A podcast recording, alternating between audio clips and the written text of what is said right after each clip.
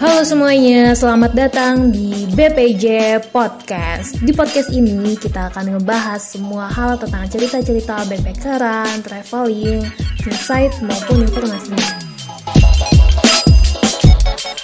Kembali lagi bersama narasumber Bang Julham. Uh, kali ini gue mau ngebahas tentang freediving uh, yang orang-orang hobi ekstrim terus juga hobi yang lumayan mahal ya. Mahal sih buat gue sih mahal. Mahal, mahal, mahal. mahal. Mahal. uh, orang-orang yang takut tenggelam, orang-orang yang membayangkan hal-hal yang menakutkan di dalam air itu ada apa aja. Ada yang trauma juga di selama freediving itu juga banyak. Maka itu jangan kita ngomong sembarangan buat hal-hal kayak gini harus dengan ahlinya dengan Bang Julham. Halo Bang Julham. Halo, bukan Julham, S. Oh, S. Julham. Sulham. Betul. Sulham. Gue nyebut apa ya salah. bang Sulham. Oke Bang Sulham, Eh, kita sama-sama di member BPJ Renang ya. Iya, betul. Oh bener, kita lagi vakum renangnya. Ah, karena memang kondisi sekarang kan. Alasannya sih kondisi sekarang. Us, jangan, jangan bilang-bilang, jangan bilang-bilang. Itu gosip lo, eh gosip itu. Jangan bilang-bilang, jangan bilang-bilang. Gak enak sama Guys, admin. Guys, jangan bilang sama yang lain ya kalau itu alasannya.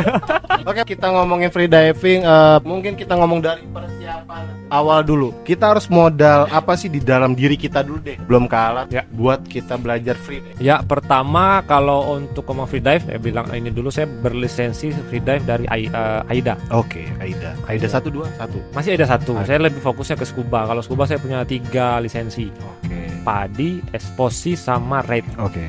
Nah kalau untuk freedive sendiri yang pertama kita harus pahami bahwa struktur tubuh kita itu dibuat untuk hidup di darat. Oke. Pertama harus kita pahami itu bahwa kita ini dibuat diciptakan untuk hidup di darat. Jadi kalau untuk kita berkegiatan beraktivitas di air kita butuh namanya itu keahlian khusus skill. Yang kedua adalah peralatan tambahan. Kalau ke diri ini yang Diri sendiri loh. ke diri sendiri dulu yang pertama kita perbaiki itu adalah mental. Oke, mental kita jangan takut air kayak gitu-gitu ya, Bang. Pertama adalah biasanya kita itu terlalu banyak nonton film, mana kita membayangkan yang enggak-enggak.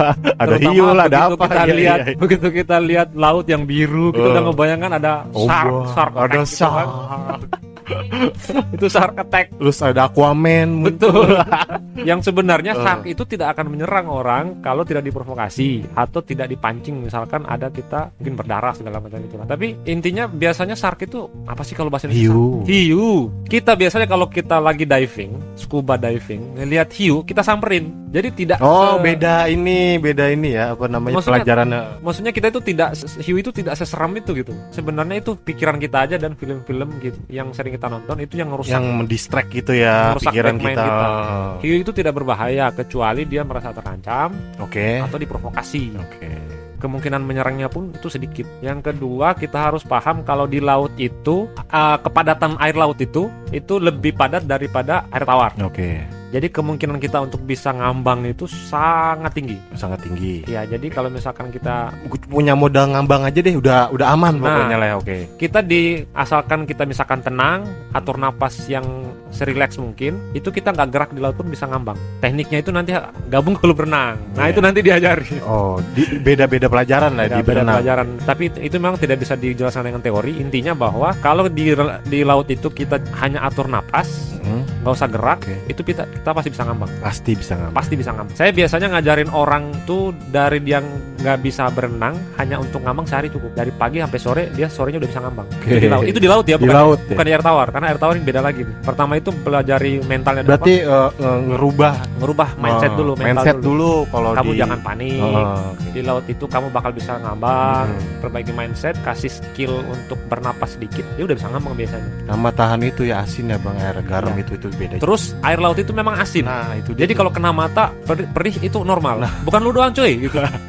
makanya kita harus pakai Google lah minimal gitu ya, jangan asal ngambang aja. Dan kalau misalkan kalau lu nggak mau eh, mata lu perih, Hmm. itu begitu masuk laut langsung celupin aja, kedip-kedipin di bawah laut terus oh, naik lagi. iya. Oh, baru tahu. Setelah itu udah nggak Google. akan nggak akan ini lagi, nggak akan perih lagi. Oke. Jadi kalau malah kalau misalkan kita pakai Google kemudian masuk dikit-dikit itu malah perih. Jadi begitu Hmm. masuk masuk ke laut kedip-kedipin berapa kali terus Ke pakai atas lagi udah udah enggak ya. itu udah nggak lagi. Jadi yang begitu-begitu sebenarnya. Kemudian yang kedua kalau lo pakai kelas free diving lo minum air laut itu biasa banget. Lo jangan panik gara-gara minum air laut dikit. Kita itu yang belajar free dive minum berapa gelas kadang air laut itu. Tapi enak banget bang kalau nyobain wah itu muala itu aus au- itu cara ngilanginnya kita minum kali ya bang ya. Nah, Minum air biasa. Ah. Nah bagusnya itu kalau kita minum air laut itu bagus karena biasanya kan sakitnya sakitnya freedive itu biasa kan kram kaki kan. Iya iya. Kalau kita minum air laut itu mengurangi. Oke, oh ngaruh, Ya, ngaruh. jadi kita Betul, perbaiki betul. mentalnya bahwa eh cuy kalau lu misalkan mata lo kena air perih Air, itu biasa banget. biasa. Lu nggak usah panik. Lu Minum kalau minum air laut biasa. minum aja. Oke. Itu bagus buat lu. Jadi dia akan lebih santai, lebih rileks gitu. Dengan begitu lebih rileks, ngambangnya lebih gampang.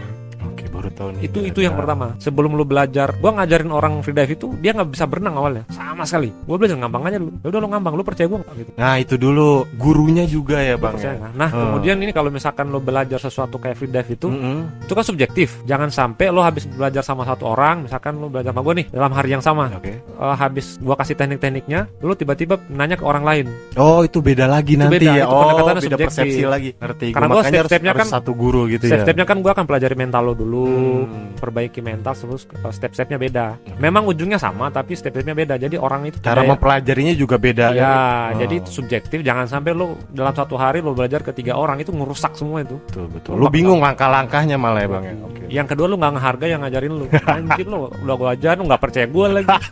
benar benar. Kebanyakan ilmu lu.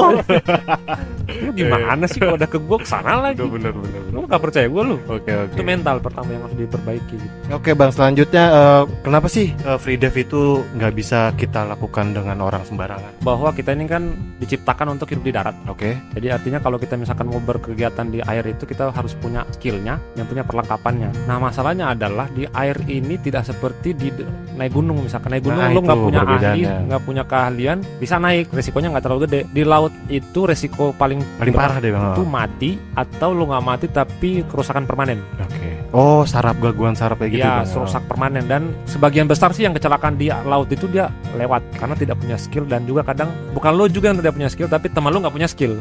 Sama-sama Ya. terus belajar itu. pada saat lu sama-sama bego. Oke lah lu punya skill, Heeh. teman lu bego.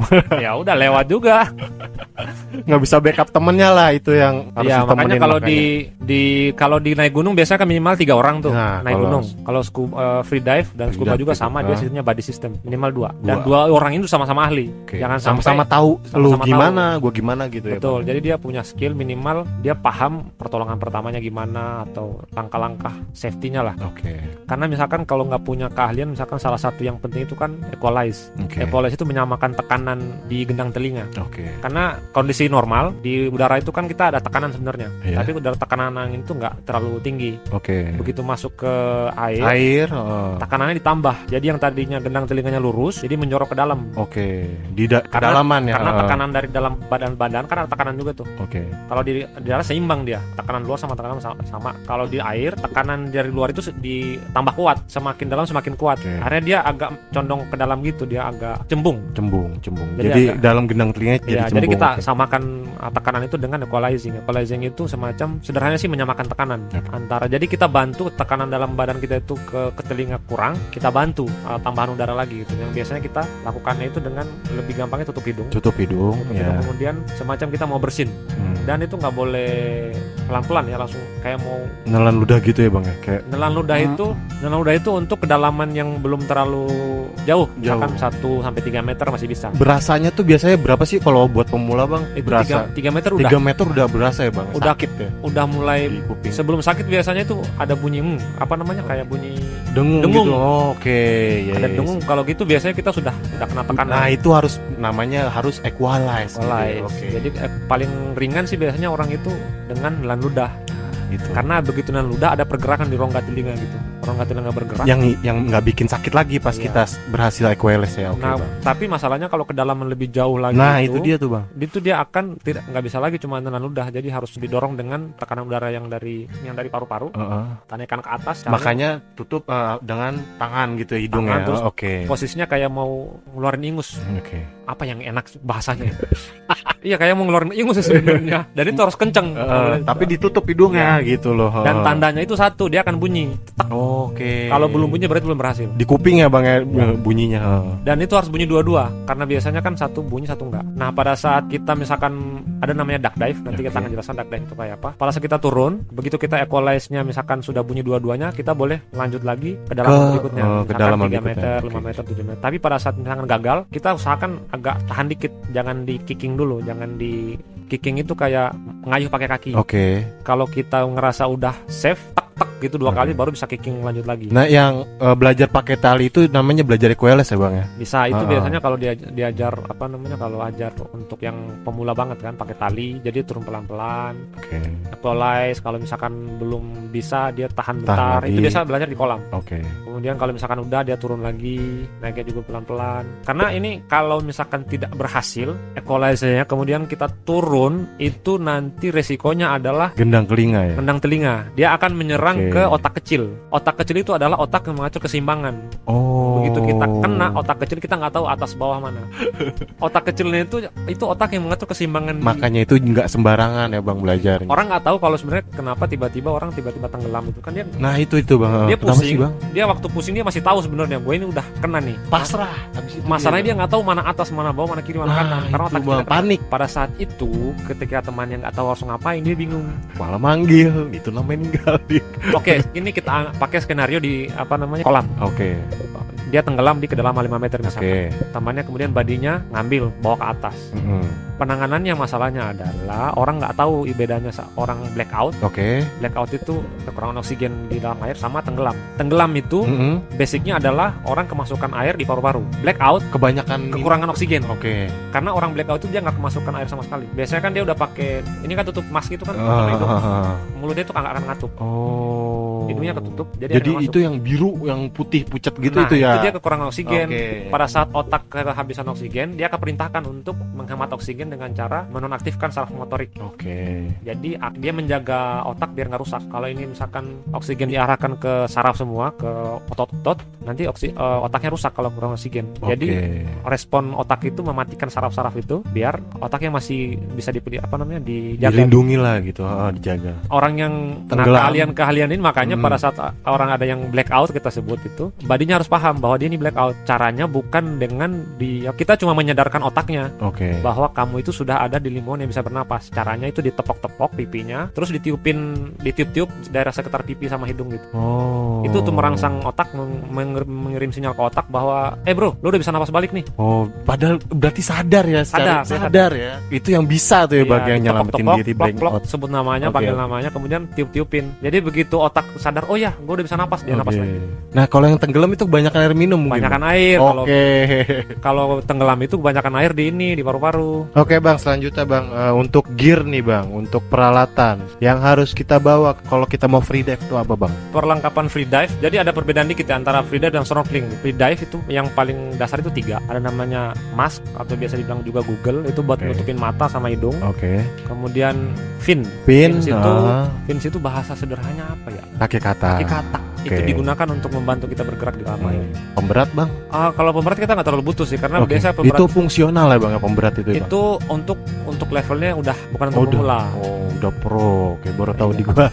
Jadi kalau pakai pemberat itu biasanya untuk turun ke kedalaman yang Lebih dalam ya bang ya. Kita ini kan hanya untuk pemula nih. Hmm. Jadi pemula-pemula yang mau belajar gitu. Jadi paling cuma 6 meter gitu ya bang? Itu kedalaman untuk pemula. Oh, itu kedalaman. Oh, baru tahu gua. Lu berarti udah di atas dong. Enggak lah. Enggak, 6 meter paling. Kan ya, se- seragunan gua belajar ragunan gitu. Nggak, kita ini kan kita ini kan belajar kita ini kan belajar video sebenarnya untuk kebiasaannya hanya Oke. untuk ngelihat karang-karang. Oh, Dan karang itu nggak ada yang kedalaman jauh iya banget. sih, bener sih. Kagak ada Kalau kapal jauh. itu paling nggak jauh-jauh banget. Karang sih. itu kan paling 3 meter, 5 meter. Hmm, Oke, Kecuali oke. kita mau masuk belajar freediving sebagai olahraga itu beda lagi. Oh, Oke, oke. Biasanya juga kalau misalkan freedive sambil snorkeling, uh, snorkeling ditambah dengan snorkel. Snorkel itu untuk Itu harus dipakai gak sih bang? sebenarnya sih kalau freediving nggak dipakai. Nggak Jadi, dipakai kan? Karena itu meningkatkan bahaya. Oke, Kalau kita blackout, kita pakai snorkel, kita akan tenggelam. oke. Udah blackout, tenggelam pula. Double. Jadi, karena kalau biasa biasa kan orang oke kita pakai snorkel tapi kita buka pada saat turun ke bawah. Sebenarnya nggak ada fungsinya bang. Itu buat snorkeling. Nah iya. Makanya buat bilang, snorkeling. Kalau untuk free dive cuma dua, Eh, masker, Masker sama pin, fin. Ah, Selesai. Udah selesai. Oke, cuma dua. snorkeling sama snorkel. Eh, Itu aja sebenarnya. Oke. Nah, u- nah ini masalahnya ini yang orang yang agak-agak nggak tahu mereka biasanya beli fin itu Oke. untuk gaya. I- maksudnya gaya dalam segi segi harga apa gimana bang? Nggak harusnya disesuaikan kan berat badan orang, Oke. terus buoyancy-nya Oke. biasanya disesuaikan dengan kekuatan finnya itu loh. Oke. Ada orang yang kecil imut pakai long fin itu buat apa coba? itu kan kayak lo pakai mesin motor buat sepeda gitu.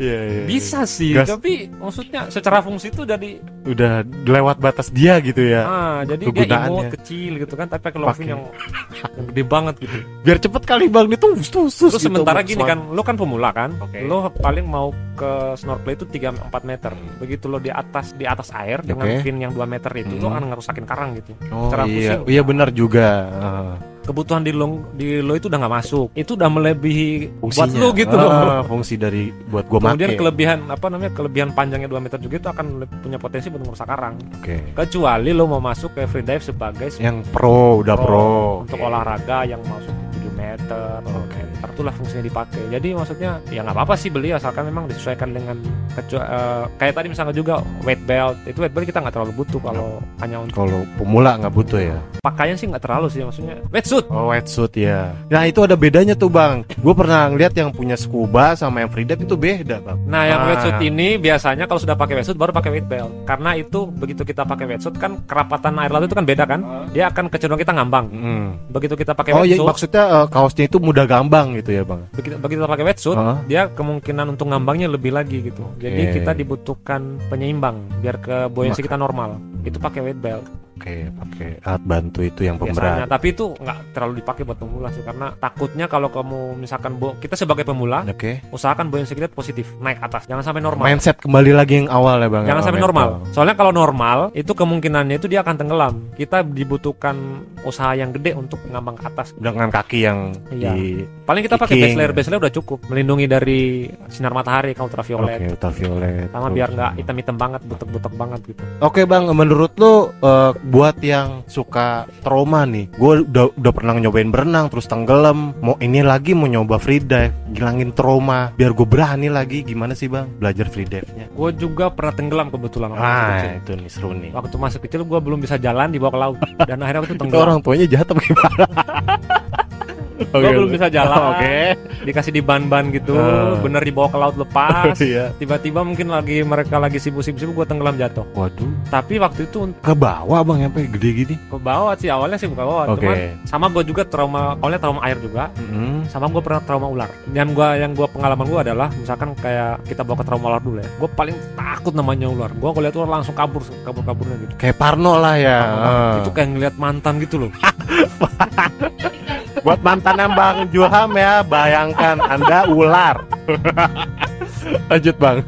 jadi pengalaman gue menghadapi itu ya itu itu nggak bisa diobati kalau kita pertama nggak tahu sebabnya gitu. Oke. misalkan lo harus tahu lo trauma kenapa dulu biasanya orang lupa gitu Trauma healing dulu gitu ya Bang. lo harus tahu sebabnya dulu Mm. oh gue dulu trauma karena kesalahan dari Gak ada yang jagain. Ada yang jagain. Oh.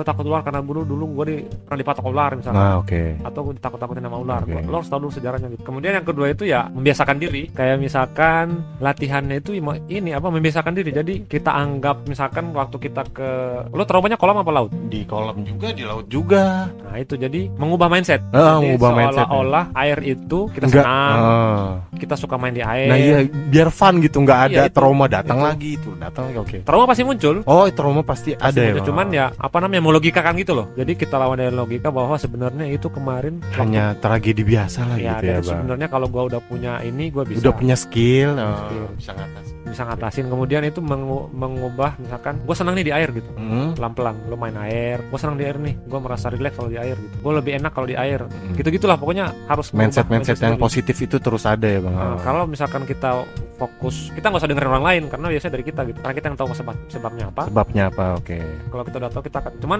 agak lama sih prosesnya memang oke, dan biasanya sering balik lagi nah itu dia jadi begitu dia balik kita harus balik ke air lagi gitu oke. Jangan Membiasakan. kapok pokoknya lah ya untuk belajar terus belajar emang. ya. Oke oke ngerti ngerti. dan pada saat kita main air itu kita udah bilang gue senang di sini mensugesti gue senang di sini Gue seneng laut, gue seneng laut. pantai gitu bang. Oke bang. Cuman ini ya agak sulit sih memang harus Harus lama ya bang, berproses prosesnya. lah bang, banyak latihan. Karena gue juga waktu tenggelam kan masih kecil banget itu, bawah. kecil banget. Oh. kayak gue takut ular akhirnya gue bisa ah, lu selesaikan ular ah. dengan gue makan ular Ah, serius? Ah, lu kanibal lu bang. seriusan Gue jadi takut? Gue pada waktu latihan Tapi nggak ke sifat lu yang ular itu Gamnang. gue waktu latihan di gunung gue latihan di gunung kita di gunung banget nggak ada Oke, makanan oke. dikasih ular piton waktu itu Ih, dan gue masih menjauh dan nggak mau ngeliat tapi mau nggak mau karena nggak ada makanan Arjen. akhirnya itu ular kita potong kita Ih. kauliti kita bakar kita makan Enak. sejak saat itu gue lihat ular awas gue makan lu gitu Dulunya gua Oke. takut. Ularnya jadi takut ya. Enggak sih bang, kalau lu ada lagi tetap aja lu dimakan. Oke, thank you bang buat cerita-ceritanya. Yang singkat ini cerita nanti mau gua lanjutin yang ke lebih pro eh, tentang scuba diving kali ya larinya langsung bang. Ada lagi yang free diving yang, yang yang lebih. lebih ke olahraganya gitu. Oke, tuh buat pengetahuan yang free dive rekreasi free diving rekreasi aja sih. Oke bang, thank you bang Julham. Sulham. Halo semuanya, balik lagi sama gue Dani di BPJ Podcast.